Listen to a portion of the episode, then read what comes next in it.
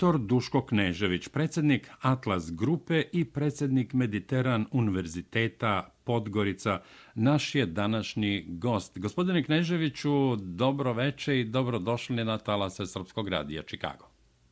Dobar dan, dobro veče, ne znam koliko je sad... Kod nas je dan, kod vas veče, pretpostavljam. Dobro, evo, kod mene će skoro no, noć u Londonu, kod vas dan i dobar dan i dobro veče za sve vaše slušalci i pratioci i drago mi je što sam opet na gost kod vas u vašoj emisiji. Da, hvala. Važno je da želimo dobro, pa da li je dobar dan, dobro jutro ili dobro večer, sasvim je sve jedno. A, pre svega, recite mi kako ste? Kakva je situacija u Londonu sa epidemijom koronavirusa? Malo su popustili ovdje, rezultati su jako dobri i malo su nam otvorili restorane, odnosno terase i sve to i malo je društveni život postao jači i očekujemo do Ono, do sredine maja da nam otvore i hotele i, i restorane unutra, tako da mislim da će se lakše funkcionisati. Eh, odlično. Idemo mi na, na posao. Dakle, u izveštaju State Departmenta i Freedom House-a za 2020. godinu jasno je precizirano da je vaš slučaj politički i da Crna Gora ne poštuje međunarodne zakone i da nije povukla poternicu za vama kao što je to učinio Interpol koji je povukao tri takozvane poternice. Ovo je prvi put da State Department stane otvoreno iza nekog kao što ste vi. Molim za komentar. Pa meni je drago ovaj, što se to desilo što su takve adrese kao što je Freedom House i, i, i State Department došla takva preporuka. Posebno što ja imam dosta duge odnose sa institucijama ovaj, e, u Vašingtonu, a posebno prilikom e, uključenja Crne Gore u NATO i saradnje sa Atlantic Councilom i sa svim onim što smo radili na promociju da Crna Gora bude jedan od, od e, NATO, NATO, NATO članica i ja sam izgradio dosta dobre kontakte tamo i to je dugogodišnje prijateljstvo koje već od 90. godina datira ljudi koji su bili koji su bili po Balkanu i jako mi je drago da je što nije običajeno u diplomatskoj komunikaciji da neko tako stane i za nekoga posebno kad neka država potegne tri međunarodne poternice koje je Interpol ukinuo, a Crna Gora nažalost ne poštuje, ne poštuje te, te odluke. E, čak i nova e, vlast sada insistira na, na ekstradiciji koja se vodi proces ovde u, u, u Londonu i uopšte mi nije jasno, jer ja sam napravio veliki doprinos dolasku te nove vlasti u njihovoj u mojoj borbi protiv Đukanovića i raskrinkavanju prethodnog režima, a i dosta tih ljudi koji su sada na vlasti, s njima imam neko, neke dobre odnose i znaju koliko sam ja uradio za Crnu Goru i da se ne radi ni u kakvom kriminalcu, nego se radi o čovjeku kojem je Milo Đukanović i njegova a, hobotnica otelo sve i preko specijalnog tužilaštva i tako sam u neprilici da moram da budem tu u Londonu dok se stvari malo ne srede.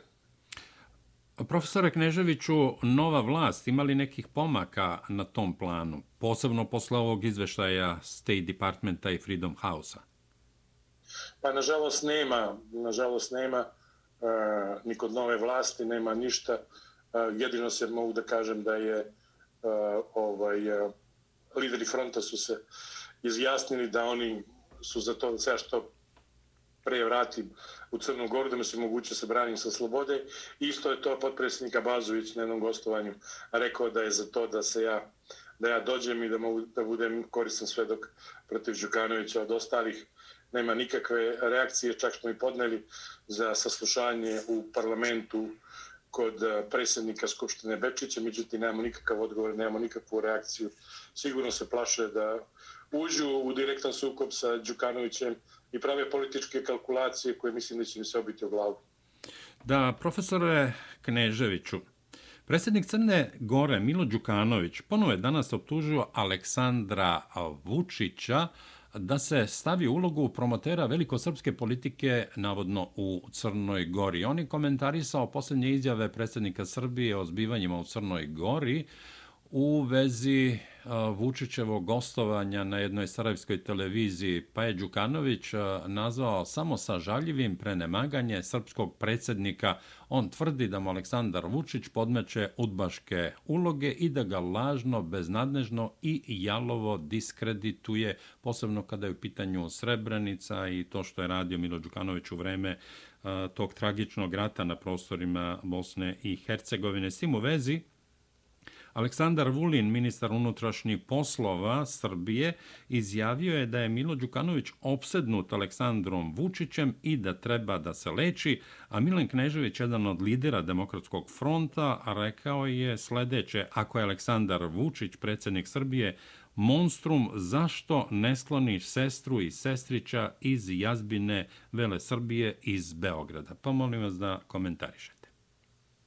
A Milo Đukanović poput uh onoga kad je pravio uh, otlon od Miloševića da je Srbija najveća opasnost za, za Crnu Goru. Isto tu politiku i retoriku koristi sada, posebno što pokušava da, da svoje redove, da kažem crnogorske redove, konsoliduje i da uperi prstom u Srbiju, da je Srbija glavni krivac za sve ono što se dešava u Crnoj Gori, da je Srbija i, pravo, i, pravo, i Srpska pravoslavna crkva ta koje vode neku, eh, da kažemo, veliku srpsku politiku u Crnoj Gori i regionu. I normalno je da, da je ovaj eh, Đukanović na tom fonu sada, jer eh, nije, nije njemu mnogo ostalo iz njegovog repertoara što treba da, da izbaci da bi, da bi stao u svoju odbranu. A to što je ovaj što se plaši iz Srebrnice, on odlično zna njegovu ulogu isto tako u, u Srebrnici u učešću u švercu i nafte i oružje i svega toga.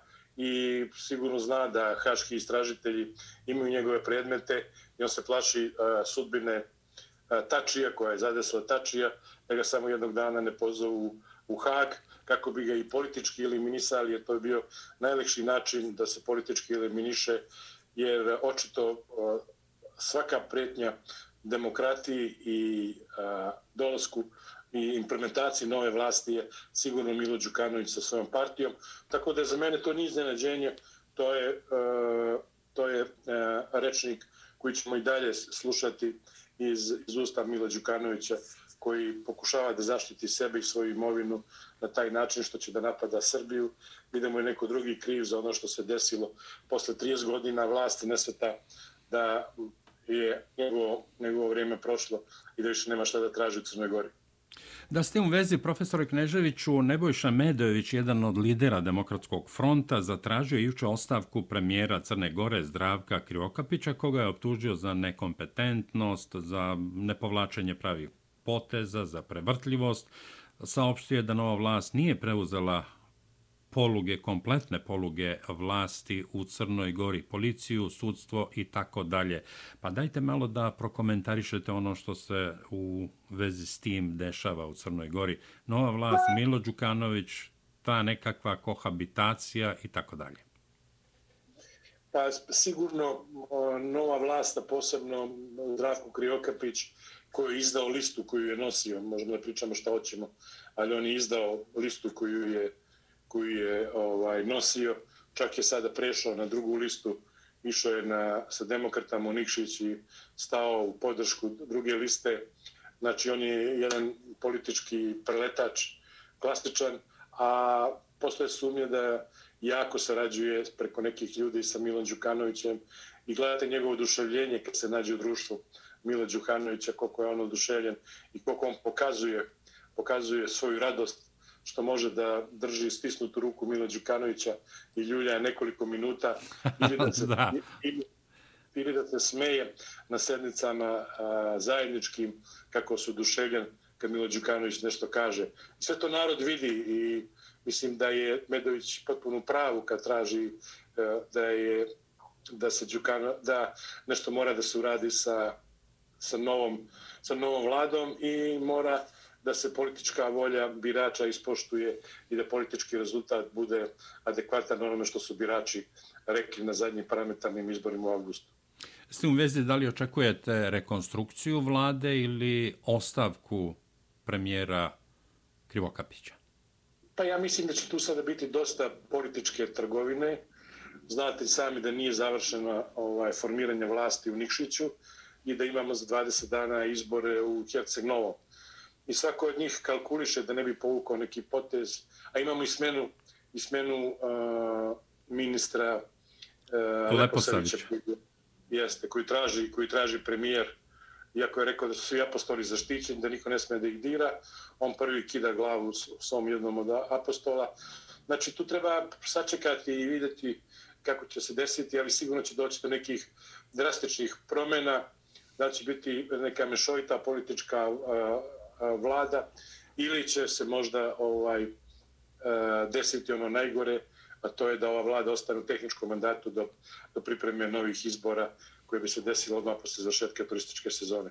Profesore Kneževiću, sad smo rekao bih potpuno na vašem terenu. Kineski kredit, kineska Eskim banka, za izgradnju puta bar Boljare od preko 1 milijardu dolara, dužina puta čini mi se 169 km, a kredit stiže na naplatu. Evropska unija neće pomoći Crnoj Gori da vrati kineski kredit, iako je podpredsednik vlade Dritana Bazović tražio u Briselu da Evropska unija pomogne Crnoj Gori kako bi vratila kredit i sprečila kineski i ruski maligni uticaj u Crnoj Gori. Dakle, preko milijardu dolara je iznos tog kredita, a godišnji bruto društveni proizvod Crne Gore je 4 milijarde. Da li je Crna Gora upala u kinesko dužničko ropstvo?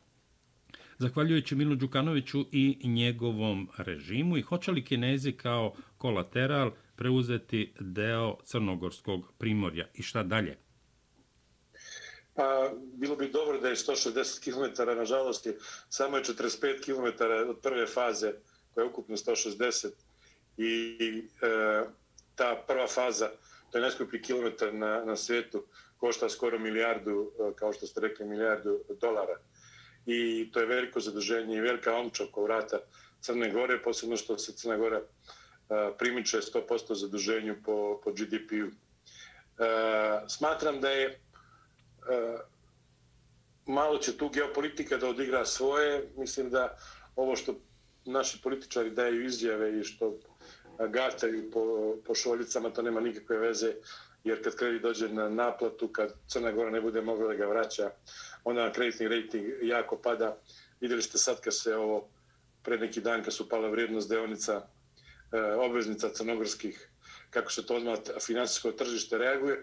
Tako da je to jedna vrlo opasna igra koja može da se desi, ja mislim da kraj maja ili početak juna, nisam siguran, stiže, stiže prvi anuitet na otplatu kineskog duga i onda mislim da neće biti lako ministru financija ni, ni ovoj vladi kako da se da se izbore sa tim, da će se raditi nekom reprogramu ili se pominje neki zajednički paket sa Srbijom, da bi Srbija mogla da preuzme taj kredit i da završi autoput, jer Srbija će vrlo brzo doći do granice s Crnom Gorom, a taj put, kako zovu Crnoj Gori od Niđe do Niđe, sigurno bio bi promašena investicija ako se ne bi produžio do granice Srbije.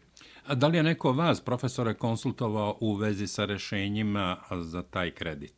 Pa ja sam imao neke neformalne, neformalne razgovore sa nekim ljudima i sa kineske strane i svega toga, ali ne bih to da, da ide u javnost, pošto je to dosta osjetljivo i ne bih, ne bih se baš sad oko toga, oko toga ovaj, određivo u ovom momentu, jer eh, radi se o vrlo, vrlo ozbiljnoj, ozbiljnoj stvari koju ne bih želeo da komentarišem baš ovako, ovako jednostavno, jer je situacija i, i geopolitički i uticaj eh, Zapada i Kine i svega toga, eh, tu se lome koplje oko Balkana dosta tu, tako da ne bih se, ne bih se upuštao u to.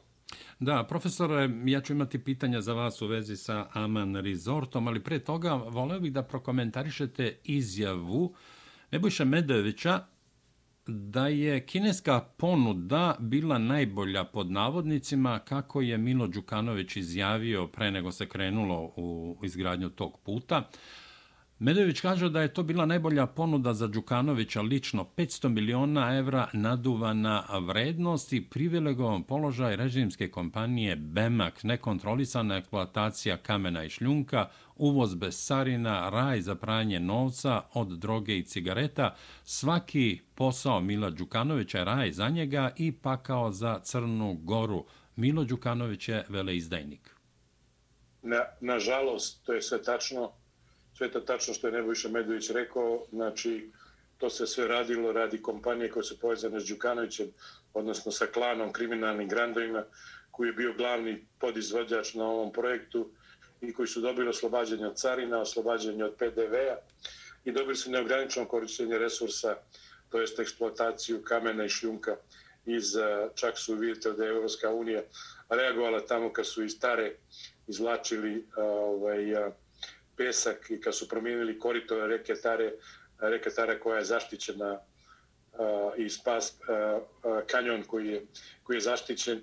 I nažalost sve to tačno i e, to je e, kroz e, sve te građanske kompanije koje su povezane sa familijom Đukanović ogromna korupcija, a to imamo i u izveštajima koji se pominju, imamo i zadnje pisanje Washington Posta pre neki dan koji tačno opisuje kretanje novca i koje opisuje lanac korupcije od vrha, od vrha vlasti Đukanovića, Markovića pa do ovih izvođača i podizvođača koji su radili na projektu autoputa Eh, od, eh, od Podgorice do Kolašina.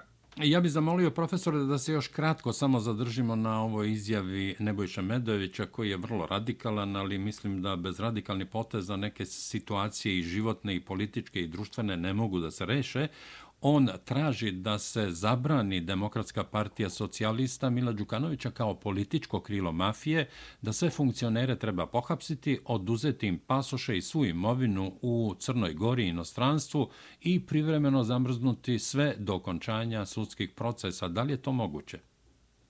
Pa mislim sa ovakvim tužilaštvom i sustavom to je potpuno nemoguće, ali mislim da je da je uh, u pravu ovaj uh, možda ne za cijelu partiju, ali za rukovodstvo DPS-a i za one ljude koji su bili na važnim funkcijama, koji su bavili kriminalom, korupcijom, reketiranjem poslovnih ljudi, kao što su radili meni, kao što rade svima, tako je.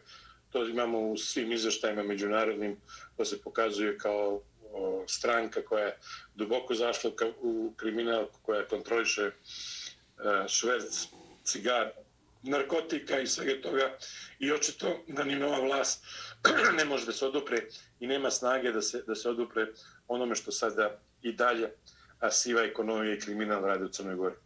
Aman Resort na današnjoj konferenciji za štampu profesora Milo Đukanović je postigao, čini se, još jedan od autogolova koje daje u posljednjih 30 godina, ali posebno u posljednje vreme.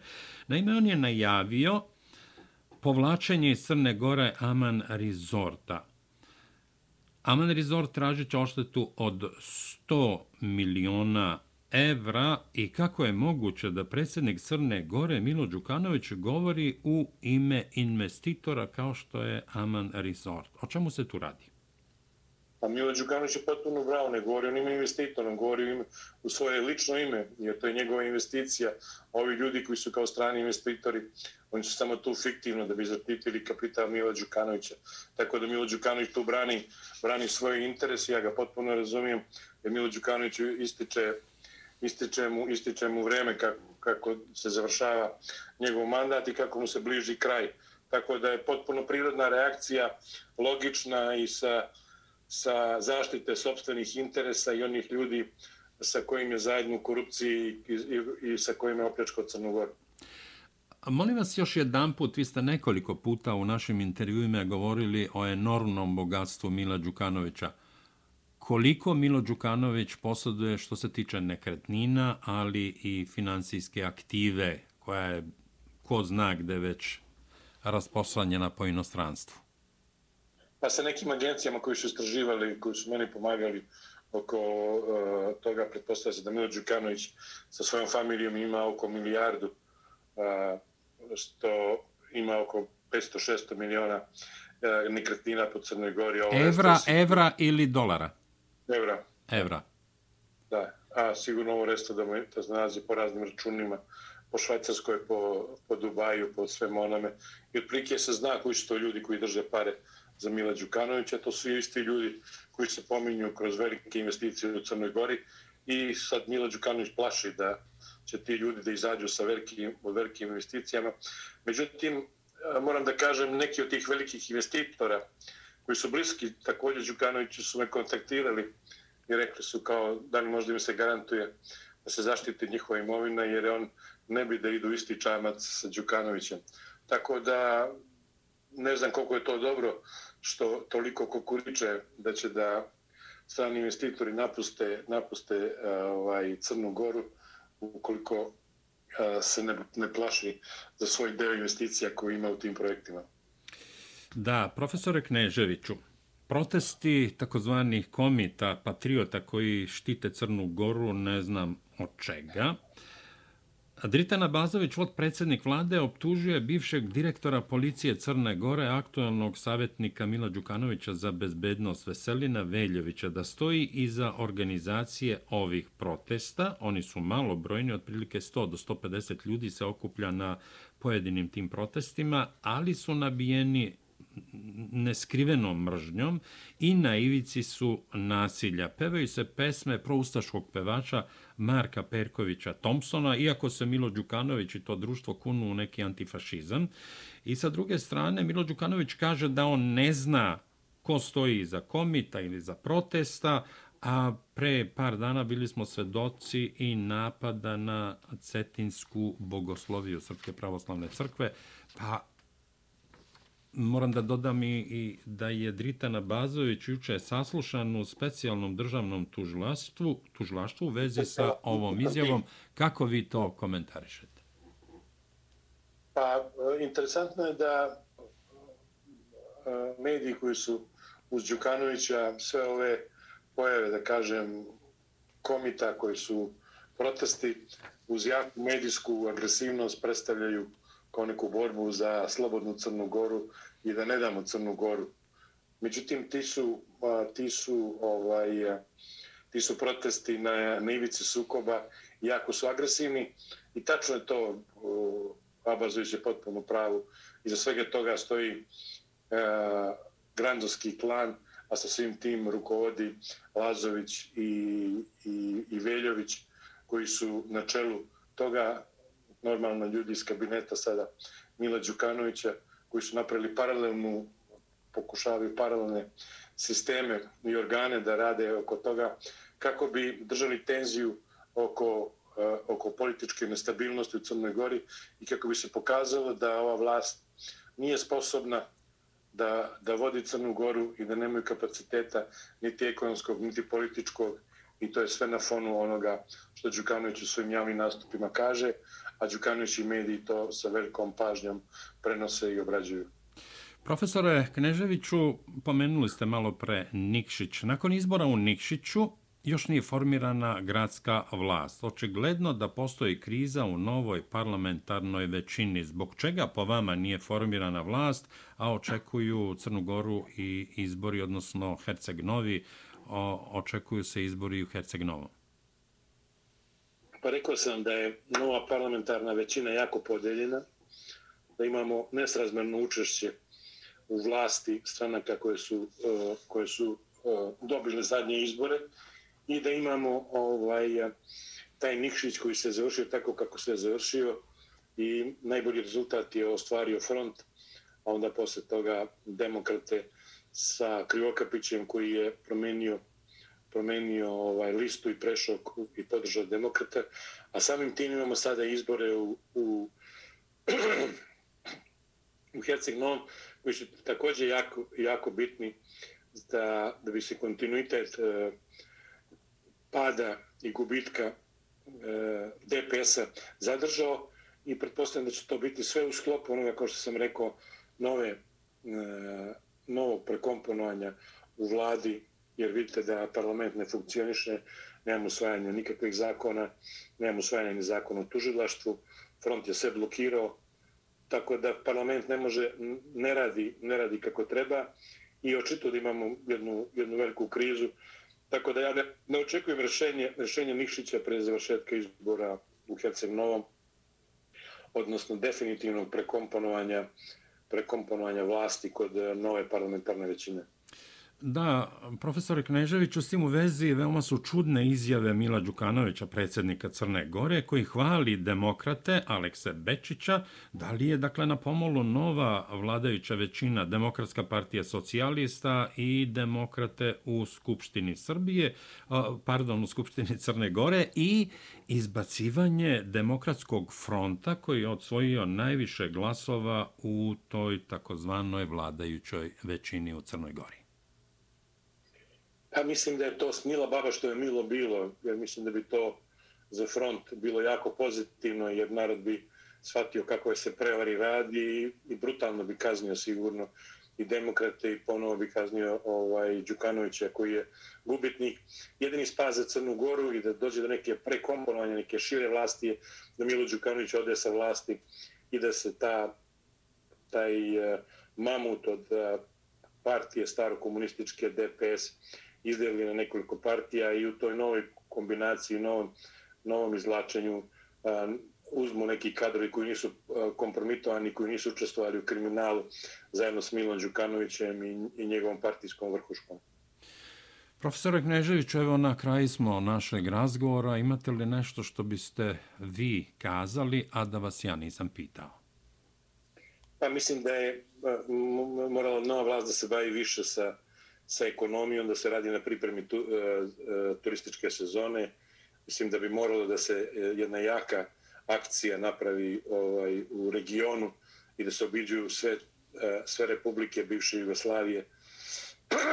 Jer smatram da je e, od važnosti da ova sezona bude, bude mnogo bolja od prethodne koju smo imali, koju smo imali u koroni i da se nacionalna aviokompanija e, postavi i da počne da funkcioniše jer bez dobrih letova, bez eh, obezbeđenog saobraćaja, Crna Gora ne može očekivati mnogo od ove turističke sezone.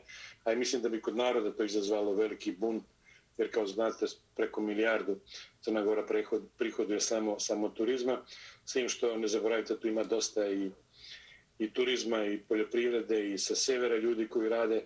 Tako da je neke široka lepeza stanovništa koje se bave turizmom uključena i dobro bi bilo za sređivanje e, stanja i za one porodice koje očekuju kao dodatne prihode prilikom školovanja djece i održavanja samih domaćistava, jer je ekonska situacija na, na ivici pucanja i mislim da se samo socijalnim davanjima ne može rešavati, treba se omogućiti ljudima da mogu da, da zarađuju i da pošteno, da pošteno e, rade kako bi mogli da obezbijede egzistenciju za sebe i za svoju porodicu. Profesore Kneževiću, hvala vam što ste odvojili vaše vreme i govorili za Srpski radio Čikago. Hvala, pozdrav za sve vas. Poštovani slušalci poštovani pratioci našeg YouTube kanala, gost Srpskog radija Čikago bio je profesor dr. Duško Knežević, predsjednik Atlas Grupe i predsjednik Mediteran Univerziteta Podgorica.